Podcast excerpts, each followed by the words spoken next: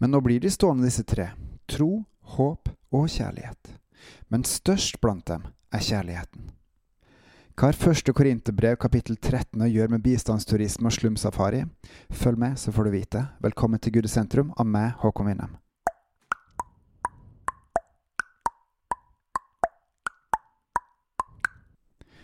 For en liten stund siden så leste jeg et korrespondentbrev skrevet av en som heter Vegard Kjørholm, som forteller om sin reise til Afrika i seks måneder når han var 19 år.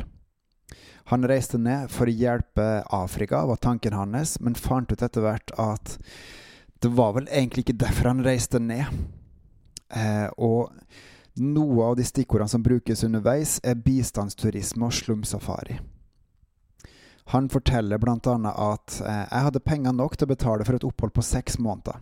Jeg reiste ned med en tanke om at jeg skulle bety en forskjell for andre. Jo da, jeg fikk noen venner, men da jeg reiste hjem igjen, var det ingen tvil om at den som hadde eh, fått absolutt mest ut av året, var meg sjøl.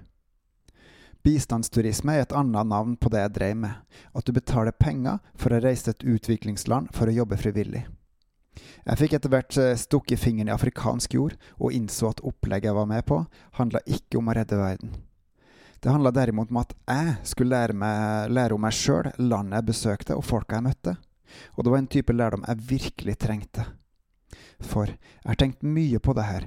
Hvorfor tenkte en norsk 19-åring at han bare kunne sette seg på et fly til Afrika og hjelpe folk? Jeg tror at intensjonene til han fyren her var gode. Jeg tror han faktisk ønsket å reise ned for å hjelpe, men ikke skjønte at turen var mest for han. Betyr det at alle sammen som har et ønske om å reise ut, om å reise en eller annen plass, også kanskje innad i landet vårt, for å hjelpe andre, er sjølopptatte? Det kommer han på. For hva er selve drivkraften i det du holder på med? Hva er selve kjærligheten bak det som du gjør? Er den til deg sjøl, eller er den fundamentert i hva Jesus tenker på? Første Korinterne 13 er et genialt kapittel som taler om selve kjærligheten. Agapekjærligheten som handler om å gi.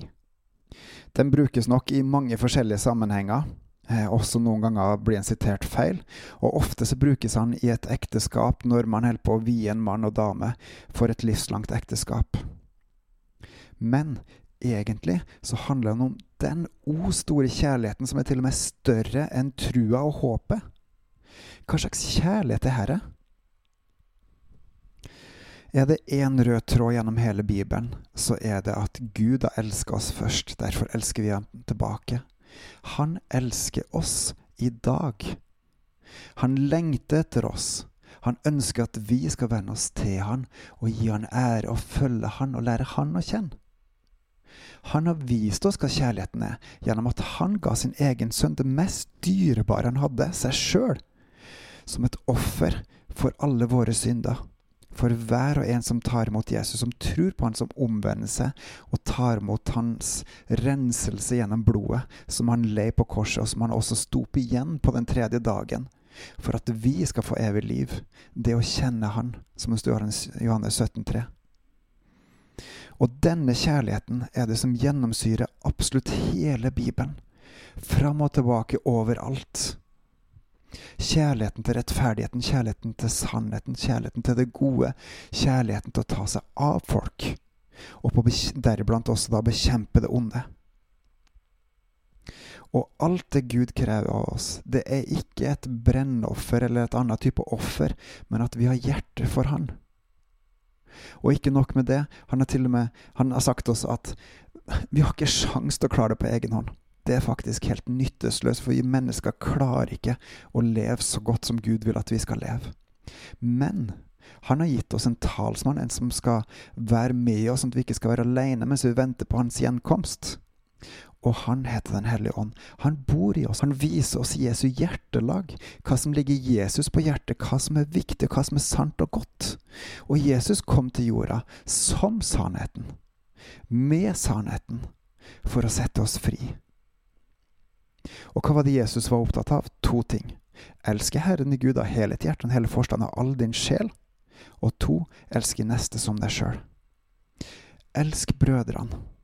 Elsk andre.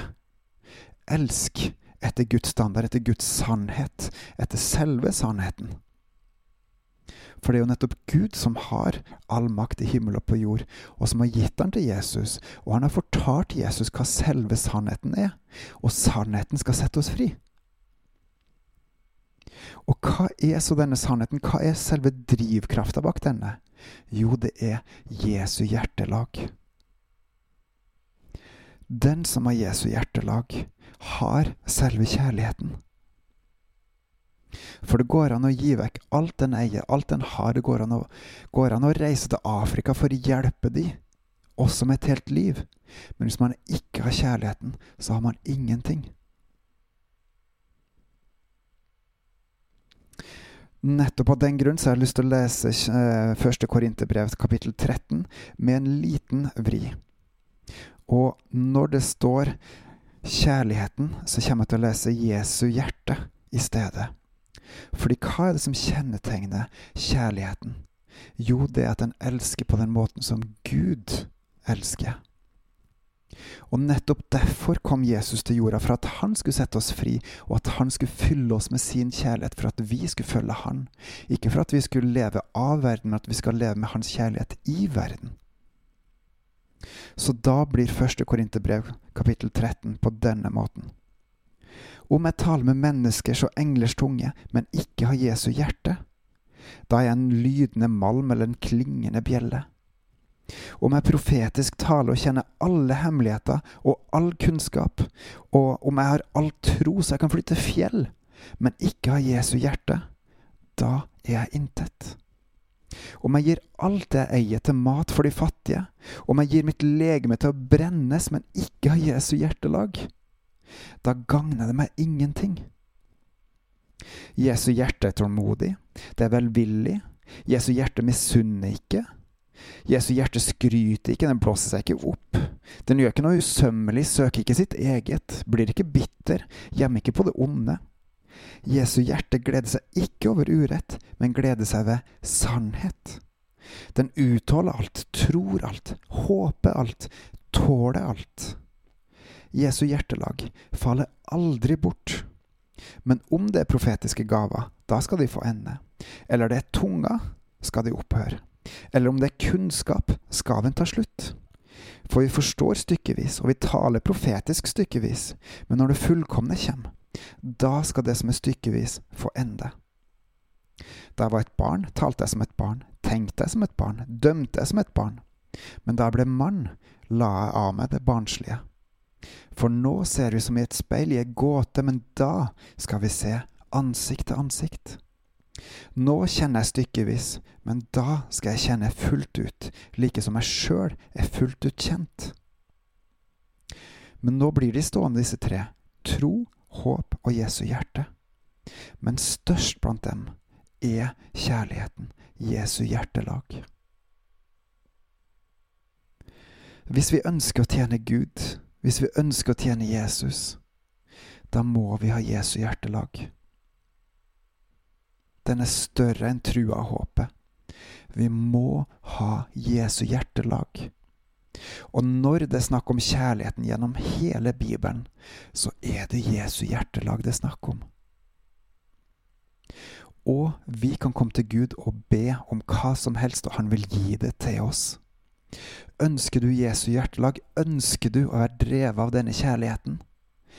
Be, så skal du få. Leit, så skal du finne. Bank på, så skal det bli åpna opp for deg. For hver den som ber, han får. Den som leiter, han finner, og den som banker på, skal det bli lukka opp for. Når da dere som er onde, veit å gi deres barn gode gaver, hvor meget mer skal da ikke deres far i himmelen gi gode gaver til dem som ber Han? Derfor alt dere vil at mennesker skal gjøre mot dere, gjør det også mot dem. Be, så skal du få. Og Jesus, jeg ber deg, gi oss ditt hjertelag. Kom, vær til stede i mitt liv, i våre liv, som lengter etter deg, som ønsker å kjenne deg, som ønsker å tjene deg. Og må du lede oss, led våre steg, sånn at vi kan gå på ditt ord, sånn at vi kan elske med ditt hjertelag. Amen.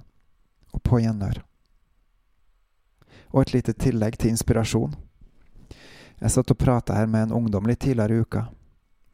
Og mens jeg satt og prata med henne, så ble jeg minna om noen konkrete episoder hvor jeg ble veileda av Den hellige ånd til å gjøre visse konkrete ting.